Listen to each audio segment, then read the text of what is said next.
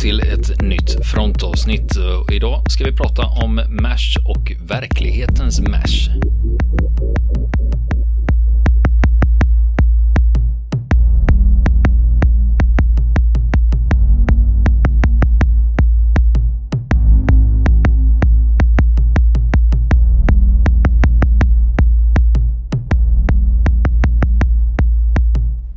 Det är en sån här klassisk frågesportsfråga som dyker upp i Trivial Pursuit. Vad står MASH för? Ja, precis. precis. Vet du det Niklas? Ja, jag vet det. Men eh, jag fick faktiskt påminna mig själv eh, vad det stod för. Det, det, kan jag öppet erkänna för att eh, det är sånt här som lätt faller ur. Man tänker på filmen eller, och tv-serien. Då med Mobile Army Surgical Hospital. Mm. Och jag fick faktiskt frågan, det var en, en, kompis som flyttade till Norge för många år sedan. Och så ringer han mig, för det här var väl, jag ska väl inte avslöja vem det var, för det här var frågan om ett fusk. Mm. För han var med på ett pubquiz och då hade de fått frågan, vilken siffra har MASH? Så han ringer mig och frågar, det här var på den tiden man inte googlade. Utan då ringer han mig och så säger han, du, vad fan, du, MASH, vad är siffrorna? Ja. Och jag bara 4077. så, så ibland det. så kommer sådana här kunskaper till användning, men det är ganska ovanligt. Men ja. de flesta av er mm. som lyssnar nu, ni känner ju till, dels har vi filmen, mm. Altmans film från 1970, ja. och sen har vi då tv-serien. Precis, precis. Som kom senare. Men verklighetens Smash, ska vi börja med den så kan vi glida över sen på, eh, på Alan Alda och gänget och Hotlips och, och så vidare. Eh, det första MASH skapades precis i slutet av andra världskriget, i augusti 45. Och eh, bakgrunden var ju de här fältsjukhusen då som man hade, alltså man hade då under första och andra världskriget. Blev du sårad så eh, var det rätt stor risk att du dog innan du fick ordentlig vård. Och eh, under Koreakriget då 50 till 53 så, var, så blev det här systemet då MASH använt, satt för första gången på prov ordentligt. Och det var alltså att en, idén var att man skulle placera kvalificerad vård väldigt nära frontlinjen. Så att man helt enkelt kunde, som man ser då i tv-serien då, när man flyger in sårade med helikoptrarna redan. Och eh, Därför att eh, kom du till snabbare behandling som sårad så var det större framgång eller större utsikt att du skulle överleva. För det första som hände när du blir sårad, det var ju att du blev omplåstrad av dina kompisar vid frontlinjen. Tryckförband och så vidare, stoppa akuta blödningar, iväg på en bår. Eh, buddy aid kallas det här då i amerikanska armén. Och då hamnar du på eh, de här på ett provisoriskt fältsjukhus eller en eh, förbandsplats, förbandsplats kan man säga. Precis. Eh, där man helt enkelt stabiliserade patienten. De skulle kunna klara den fortsatta transporten helt enkelt och sen kom man till då MASH, det här fältsjukhuset då. Och det var ju en stor succé då för att om du som blev svårt sårad som amerikansk soldat vid fronten i Korea Överlevde du transporten till Mars så hade du 97% chans att överleva. Och det var en stor dramatisk förbättring jämfört med andra världskriget.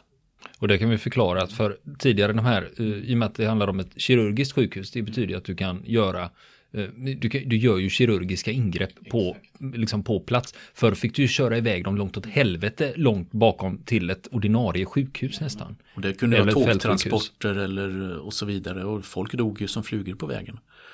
Sårchock och så vidare. I, kunde ta lång tid innan man fick adekvat vård. Så det här var ju ett stort framsteg just i omhändertagandet av sårade med de här sjukhusen då. Eh, och de har ju använts då sen i alla amerikanska konflikter sedan dess, alltså Vietnam och Gulfkrigen. Och 1997 till slut så avvecklades det sista MASH sjukhuset i Sydkorea. För där har man nu haft amerikanska trupper hela tiden då som eh, med tanke på att den konflikten inte är avslutad. Det är ett vapenstillestånd. Det är ett vapenstillestånd där ja. Så att där har ju funnits ett MASH då ett eller flera och ända in på 90-talet då, då man avvecklade det sista och sen när det avvecklades då 97 så var faktiskt några medlemmar av rollbesättningen i tv-serien MASH på plats under den här ceremonin då. i, eh, i Sydkorea. Eh, bland annat eh, Larry Lindville som var Frank Burns i serien då. Chefen.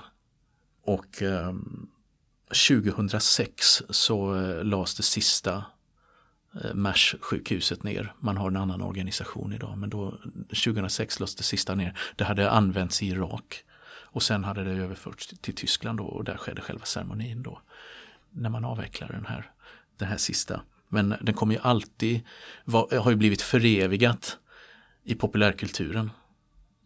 Tack vare boken, filmen tack, och tack tv-serien. Tack vare boken då först och Richard Hooker då som skrev, skrev boken där i slutet av 60-talet, MASH och sen kom ju filmen då 1970. Då, Robert Altman. Och sen eh, ett par år senare så kom ju första avsnittet av eh, tv-serien MASH då på CBS. Eh, och den, den gick ju i ända till början av 80-talet och över tio år mm. så rullade ju avsnitt på avsnitt av, av MASH då, hade en trög start första säsongen innan det blev en uh, dundersuccé. 4077 MASH.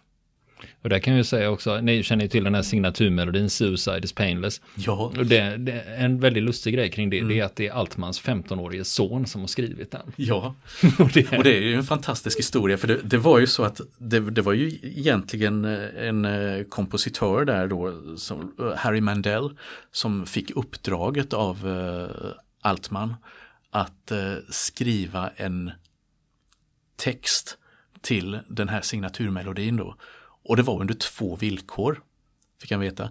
Det ena var att låten skulle heta Suicide is painless och det andra att det skulle vara den mest idiotiska låttext som hade skrivits. Och han fick inte ihop det riktigt, Mandel då. Han var, tyckte han var lite för gammal för att göra något sånt, han var 45 då.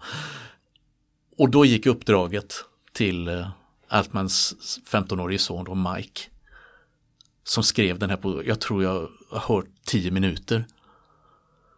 Och Robert Altman har ju sagt efteråt i intervjuer att hans grabb tjänade mer i royalties på den låten än vad pappa regissören gjorde på tv-serien och filmen. Ja, det, det, finns mycket att berätta om Mash, den har ju satt avtryck. Men det man ska komma ihåg det var ju där att även om den utspelar sig eh, i i Koreakriget, så när filmen kom 1970 så var det en ganska skarp blinkning till Vietnamkriget ja. som var pågående. Yes. Det var mer nästan en allegori över Vietnam egentligen var det. Det är så man ska se det. Ja, precis. Så det, det, var ju så. Eh, sen, sen, kan man ju också säga det att det här sjukhuset de visar i tv-serien MASH är faktiskt mindre än vad ett verkligt MASH var. Det var en mycket större organisation. För det, det som är i filmen, där har man fyra läkare och tiotal sjuksköterskor. Och sen, eh, sen ett femtiotal personer, meniga personer med och utan sjukvårdsutbildning då, i tv-serien. Men eh, ett verkligt MASH var eh, ungefär dubbelt så stort. Och eh, man, hade, man hade tio läkare, du hade mellan 80 och 100 övrig personal då, ett antal sjuksköterskor. Då. Och ett riktigt sånt MASH-sjukhus, där kunde man som mest ta hand om 600 sårade per dygn. Och det behövdes. För Koreakriget, det var ett krig som präglades av gigantiska förluster. Det var enorma förluster. Efter, efter, efter andra världskriget är det ju det eh, krig, under efterkrigstiden ska vi säga, alltså, det har som genererat mest förluster. Och ändå är det så pass bortglömt. Eller hamnat ofta så, så mycket i skuggan av andra konflikter. Ja, men vi kommer ju att komma tillbaka till Koreakriget. Absolut, absolut. Det är ett mycket spännande kapitel.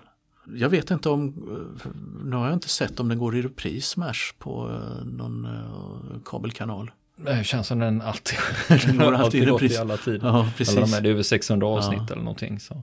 Ja. Men om, om vi ska titta, om vi går tillbaka till verklighetens MASH mm. och pratar om eh, hur vad som sker idag. Mm. Eh, där man framförallt, det man börjar med när man utvecklar MASH, det var ju det att man hade förstått tiden. Mm. Att från det att någon blir sårad så handlar det om att ta dem så fort som möjligt till kvalificerad vård. Mm. Och den idén finns ju fortfarande kvar. Ja, det är ju ingen och det har man skärpt ytterligare då. Det handlar ju om, handlar om minuter i den bästa av världar. Att man ska, så fort du blir sårad kan man kalla in en medevac som amerikanerna kallar det. Ja. På helikoptern och så direkt till avancerad vård så fort som möjligt. Precis. Och det märker man också i moderna konflikter. eh, alltså, nu pratar vi om de organisationerna som har den här typen av faciliteter. I Ja, många, som har råd med såna här I många konflikter så Ja. existerar ju inte det här, den här typen av vårdkedja utan eh, det är ju framförallt eh, den typen av or- organisationer som har de här resurserna. Och där ser man ju att eh, förlustsiffrorna sjunker ju. De överlever. Mm. Överlevnadsgraden är idag mycket, mycket högre än vad man någonsin har haft. Precis. Sen att, sen att folk eh, kommer som eh, blir psykiska vrak i större utsträckning är en annan historia. Med PTSD och sådana saker. Mm, precis. Ja, det ska vi också ta upp vid ett annat tillfälle och prata om. Precis.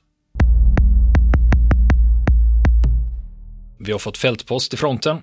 Det är från Sam i Stockholm. Han skriver så här. Tack för en bra podd. Ni har ett digert ämne att gräva i för att hitta intressanta frontavsnitt. Här kommer ett boktips från mig. Jag har just eh, läst ut Dödsorsak och Garden och som handlar om flygaren Carl Gustaf von Rosen. Hans mycket intressanta liv med väldigt mycket om Abessinien, Etiopien. Jag visste till exempel inte att flera svenskar deltog i kriget mot Italien på 30-talet, både militärt och som sjukhuspersonal. En del blev också dödade. Konstigt att ingen har gjort någon film eller dokumentär om Carl Gustaf von Rosen. Men där kan jag faktiskt bryta in med en gång. Det har gjorts och Ja. det är P3 Dokumentär har ett utmärkt avsnitt som handlar om Carl Gustaf von Rosen, Mm. om hans liv. Så vill man lära sig mera så är det bara att gå till P3 Dokumentär. Mm. De, alla deras dokumentärer ligger ute både som podcast och på webben. Mm. Och då kan man lyssna. Och det är ett bra avsnitt så det rekommenderar jag. Sen hade han också några andra frågor.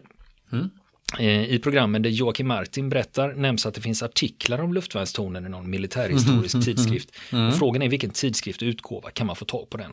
Och där, Ja. och där har jag redan svarat honom att Ja. eh, det var eh, nummer 8 2015 Och militär historia. av militär historia. Ja, och det är alltså jag som skrev den artikeln. Och det är Niklas Sennertik som har skrivit artikeln, ja precis. Men jag, jag tipsade honom eftersom han bodde i Stockholm att han skulle gå till stadsbiblioteket. Mm. Just det. Och det gjorde han och han hittade den och fick slå kopior på den artikeln. kul. Mm. så den frågan är löst då. Men är det någon annan som vill eh, läsa det så är det nummer 8 2015, mil- tidningen Militär Historia. Mm. Ja, där hade mm, redaktionen på militär historia kompletterat min artikel med en ruggigt bra skiss över tonen.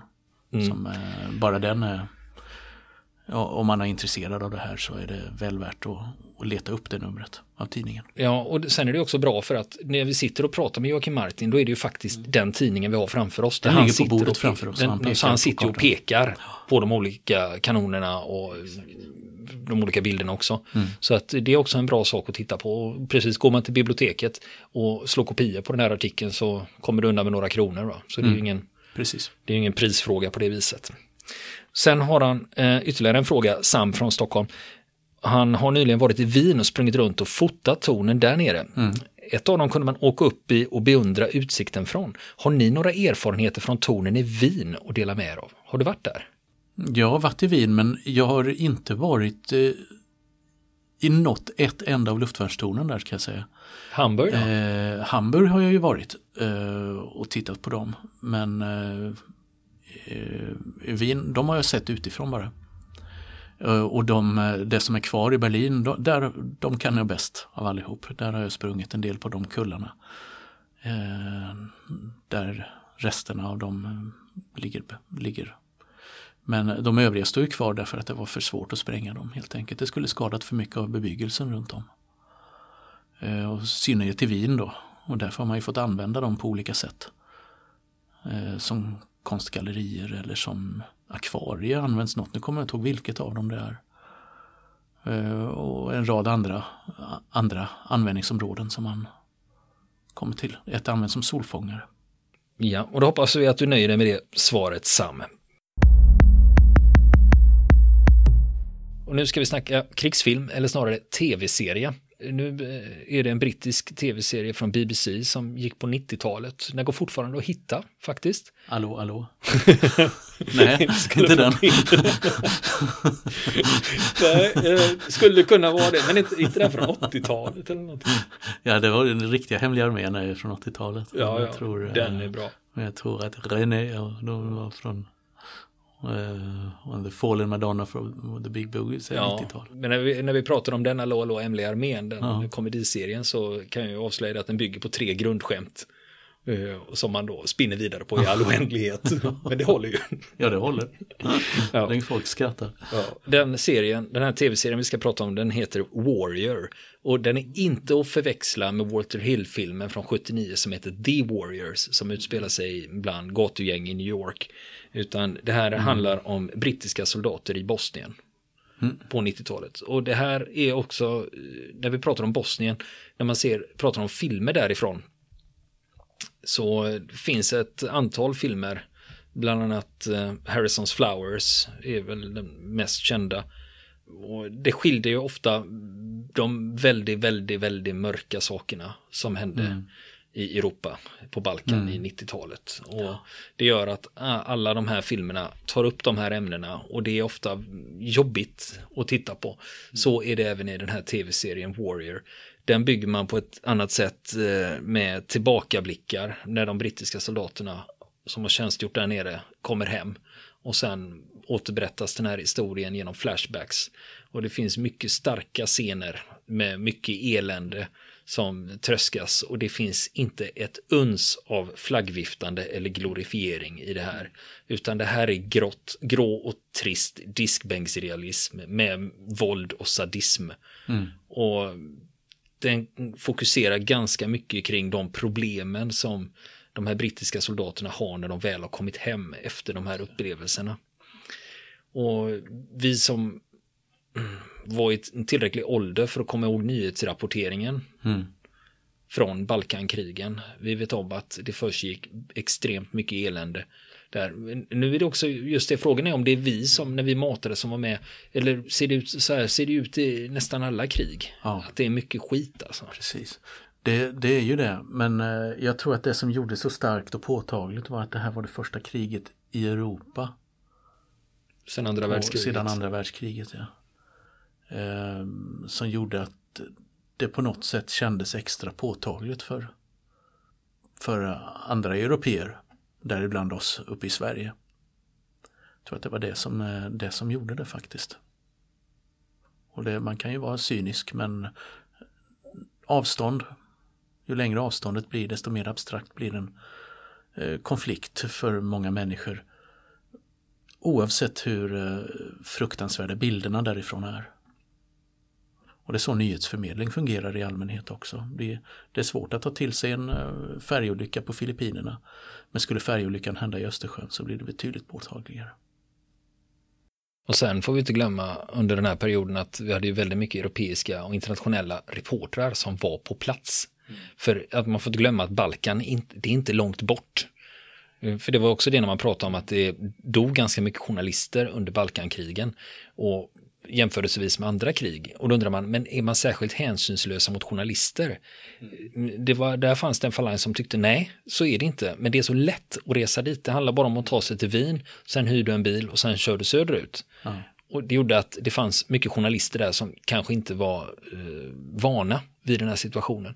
Eh, vi, vi, hade ju ett avsnitt eh, från Bokmässan här för några veckor sedan när jag pratade med Martin Schibbye mm. journalisten som har varit på flera olika konflikthärdar runt om och vi pratar just om säkerhet, hur beter du dig som journalist? Mm. Och han sa just, just det att det inte nödvändigtvis hjälmen och skyddsvästen som gör att du är säker. Ditt beteende och din kunskap om området kan också rädda ditt liv. Mm. Och det var väl det som fallerade då nere i gamla Jugoslavien när så många journalister dog som reste dit som kanske inte hade ett begrepp om hur man ska bete sig. Mm. Och ibland hjälper ju inte ens det. Nej. Vi har till exempel Tim Hetherington, en brittisk journalist som har gjort en jättebra film som heter Restrepo som mm. vi pratade om tidigare. Han, han, hade ju, han började ju sin karriär nere i Afrika och bevaka krig och sen var han i Afghanistan och sen han var i Libyen 2011 och skulle bevaka när Gaddafi störtades och, och bevakade de stridigheterna. Han och de andra journalisterna på plats, de gjorde exakt så som man ska göra. De höll sig undan den främsta linjen. De ställde sig på en plats där de var väl skyddade. Men då kommer det en artillerigranat mm. som missade sitt mål och träffade dem. Mm. Så även om man är rutinerad och beter sig på precis rätt sätt, bara det faktum att befinna sig i en stridszon kan leda till att man dör. Precis. Så det är förkni- men i och för sig man kan ju påverka sina egna, egna odds genom att bete sig på, ett, på, ett, på rätt sätt. Men ibland så hjälper inte ens det. Va? Nej, precis. Och sen huvudrollen i Warrior, den spelas av en skådis som heter Ewan Grufford. Grufford, G-R-U-F-F-U-D-D. Ja, han är från Wales. och, eh, han, hans namn kanske inte är så känt, men när jag säger att det är han som spelar Richard Reed, det vill säga Captain Fantastic, Ah, så då känner många av er igen honom. Han var även med i någon Hornblower-serie om eh, brittiska befälhavare på 1700-talet som seglar runt i världen. Men hur som helst, den är sevärd och den heter Warriors och den är från 1999. Och så har vi fått fältpost till fronten. Den här gången är det från Fredrik i Borås. Det är en ganska enkel fråga egentligen. Hur var det egentligen med bögkompaniet i Skåne? Eh, Ja, Va? Va? Säger Niklas. Ja, jag, känner, jag förstår direkt vad han far efter. Det är nämligen så här att det finns en historia. Det var på den tiden man hade allmän värnplikt och mönstring och sådana grejer. Och så var det en kille som inte ville göra lumpen. Så när han väl kommer in till psykologen på mönstringen då, så säger han det till psykologen att tyvärr, jag kan inte göra lumpen. Nej, varför inte då? Nej, för jag är bög. Det är inga problem, säger psykologen. Du blir placerad på bögkompaniet i Skåne. Och det var det för att de homosexuella då inte skulle slippa undan lumpen så hade man då ett särskilt kompani där alla homosexuella placerades då. Jaha. Men eh, nu är det så här att den här är lite geografiskt eh, blandad för att jag har hört stockholmare dra den här historien. Men då är det bögkompaniet på Gotland. Och sen har jag hört om ett bögkompani i Boden. Och eh, så om ni känner till flera påstådda bögkompanier är ni välkomna att höra av er till fronten. Ja, Har du- eller, har- vet sanningen bakom historien. Har du hört eh, den här historien innan? Nej, Har du den är fullkomligt ny Har för du mig. aldrig hört om bögkompaniet? Nej. Det är en sån klassiker. Det finns nämligen en flora av historier om eh, det här med när killar inte vill göra lumpen och så hittar de på olika ursäkter. Ja, visst. Så den, den, den tillhör den floran av historier. Nu är det så att de, de killarna som är homosexuella som jag känner som har gjort lumpen, de har gjort det i vanliga infanteriförband. Ja, visst. Där Så man det- inte gjort något väsen av det. Nej, så att de, de och det, ingen av dem har nämnt någonting om att de var på något särskilt bögkompani utan Nej. Men eh, skulle det finnas ett sånt så är vi ju naturligtvis intresserade av Eller också är det bara en jävla skröna. Ja, visst. Ja, ja, Då avlivar vi gärna den historien också. ja, precis. Ja. Och eh, om du lyssnar på det här och är homosexuell och har tjänstgjort eh, som värnpliktig Mm. så eh, kan du höra av dig till oss. Eller om du har blivit utsatt för det här vid mönstringen. Så att säga. Ja, Eller hör, Hör- höra för den här historien. Eller, har ni and, eller precis som jag sa, har ni andra placeringar på var bögkompaniet ligger? Det jag har hört är Boden, Gotland och Skåne. Mm. Det är de tre mm, placeringarna jag har hört. I övrigt så har inte jag hört någonting. Mm. Men har ni hört talas om den här historien så kan ni gärna höra av er till oss. Så vi kan bygga på den här banken. Ja, precis. Och det var från Fredrik Borås. Tack ska du ha Fredrik. Ja, tack. Nu ska vi prata lite litteratur och nu blir det facklitteratur. Och det är en bok som heter No Easy Day, The Navy SEAL Mission That Killed Osama Bin Laden. Och den är skriven av Mark Owen, det är förresten en pseudonym. Den är även utgiven med en svensk titel i översättning. Då heter- Ingen lätt dag. Ingen lätt dag heter den. Och den här boken är alltså skriven av en av de amerikanska soldaterna i Navy SEAL Team 6 som eh, var med när man sköt bin Laden. Han var Crème med, de la crème av den eh, amerikanska elitstyrkorna. Team 6 just det. Det är, och det här eh, boken handlar ju om hans liv. Från eh, det att han eh, började med, mm, när han började, när han gick med i amerikanska flottan, fram till dess att han slutar i Navy SEAL och blir civilist istället. Och i den här tyngdpunkten ligger ju då självklart på uppdraget eh, när man eh, tar koll på Osama bin Laden. Nu är det så här, just det uppdraget, det har skrivits ganska mycket om det och det är även skildrat i filmen Zero Dark Thirty. Och när man jämför filmen Zero Dark Thirty med den här boken så ser man att de här stämmer väldigt, väldigt väl överens. Så eftersom jag hade sett Zero Dark Thirty så eh, kände jag till ungefär hur, eh, vad som hände. Och det här blir det lite mera detaljerat. Men ibland är det de här små grejerna som dyker upp i boken som liksom det försvinner i filmen. Eh, till exempel när de sitter i helikoptern tillbaka till Bagram Air Force Base och de sitter med de sitter med Osama bin Ladens kropp i en liksäck vid fötterna. Och då säger, ni, eh, säger hans kollegor till honom, du, vet du vad vi har gjort? Vad menar du? Nu kommer Obama att bli återvald. och det, ja. Och, och de hade rätt. Och, ja, visst. Precis. Och Barack Obama vann ju mycket riktigt presidentvalet eh, en andra gång. Så det finns sådana här detaljer just kring den operationen. Men det jag hade, jag hade mest behållning av det var att läsa om uppdragen innan eh, de gav sig efter Osama bin Laden. Ja, samma här. Och det var faktiskt mm. det uppdragen i Irak och Afghanistan. Mm. Det var de jag tyckte var väldigt intressanta att läsa om hur de har lagt upp taktiken och hur strategin förändras över tid. Mm. Vad det, vad det, hur deras uppdrag faktiskt ser ut. För väldigt mångt och mycket i Irak och Afghanistan så var det inte nödvändigtvis de här, den här specialkompetensen som man utnyttjade utan man använde dem som ett ganska reguljärt infanteriförband. Ja, just det. Och, och det här eh, resonemanget kring att komma innanför motståndarnas informationscykel. När man insåg detta att eh, när man ska slå till att det gäller man har bara ett litet tidsfönster att göra det innan fienden blir förvarnad. Och eh, den ger, som jag upplevde det också, många eh, en bra inblick i just hur, hur man bygger en elitsoldat mm. i USA, om man kan uttrycka sig så. Och det, vi får inte glömma att det finns en jättefascination för eh, för elitförband. Det märker vi bland, bara bland våra lyssnare. Mm. Och att jag gillar också att läsa om elitförband. Och där eh, har han också med saker, det är många som känner till utbildningen, hur det går till mm. att bli en Navy Seal med uttagningarna och de extremt tuffa testerna som genomförs där man sållar ut majoriteten av de sökande. Men sen finns det också andra saker som är intressanta som man dessutom har läst om på andra håll. För eh, till exempel i den här boken tar man upp vilken taktik man har, till exempel att man får ett tips av underrättelsetjänsten att ni ska ta koll på den här personen. Det är någon hög, mm. eh, någon med en hög position på motståndarsidan och man vet, man har fått en tidsangivelse vilken plats de befinner sig på och då ska man slå till. Och istället för att göra som jag gjorde i början då, att man flyger in med helikoptrar, landar precis bredvid, hoppar ur och så är det skottlossning och en jävla cirkus då. Så istället gör man så att man landar en bit bort några kilometer bort och sen går man dit nattetid till fots mm. och, och, och smyger när mm. alla ligger och sover så smyger man in och tar koll på måltavlan och när det här uppdagades i amerikansk media att det var så, eh, man hade bytt till den här typen av operationer då undrar folk men vad helvete vad är det för skillnad på dem och vanliga lönnmördare då? Mm.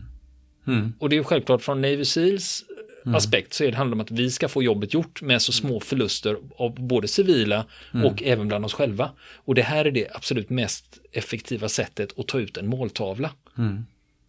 Men då undrar ju många i den amerikanska befolkningen, är det så här våra soldater arbetar? Mm. Det är ju, de ägnar ju sig inte åt krig, de åker ju runt och mördar folk. Mm. Så det finns en politisk laddning Just det. i det här också. Precis, precis.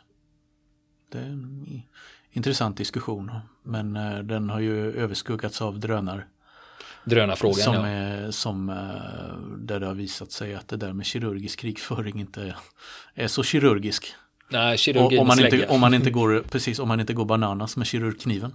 Ja, och eh, det finns ju många andra böcker som handlar om Navy Seals så det finns ett jättestort, eh, jättestor fascination för eh, det förbandet också. Mm. Och det här är ju en i den här serien skulle man kunna säga, där de alla tar upp det här med utbildningen och även sina egna mm. eh, grunder. Och jag kommer mm. att komma tillbaka till andra berättelser som handlar om liknande mm. historier. Precis. Sen måste man ju vara medveten om när man läser den här typen av böcker att de ingår ju i en sfär av eh, de skriver ju inte om när det går dåligt i så stor utsträckning. Nej, det är väl framförallt de mest lyckade exemplen man är ute efter. Va? Ibland dröjer det ju 200-300 år så kan man skriva en bok som Poltava och liksom, när, det, när det gick åt helvete. Ja, precis. Men den heter i alla fall, på svenska heter den Ingen lätt dag och den är skriven av Mark Owen. Vill ni komma i kontakt med oss så kan ni göra det via vår Facebook-sida som heter Fronten. Det är inga problem för er att leta er fram där. Eller också så mejlar ni på vår mejladress och det är frontenpodcast.gmail.com.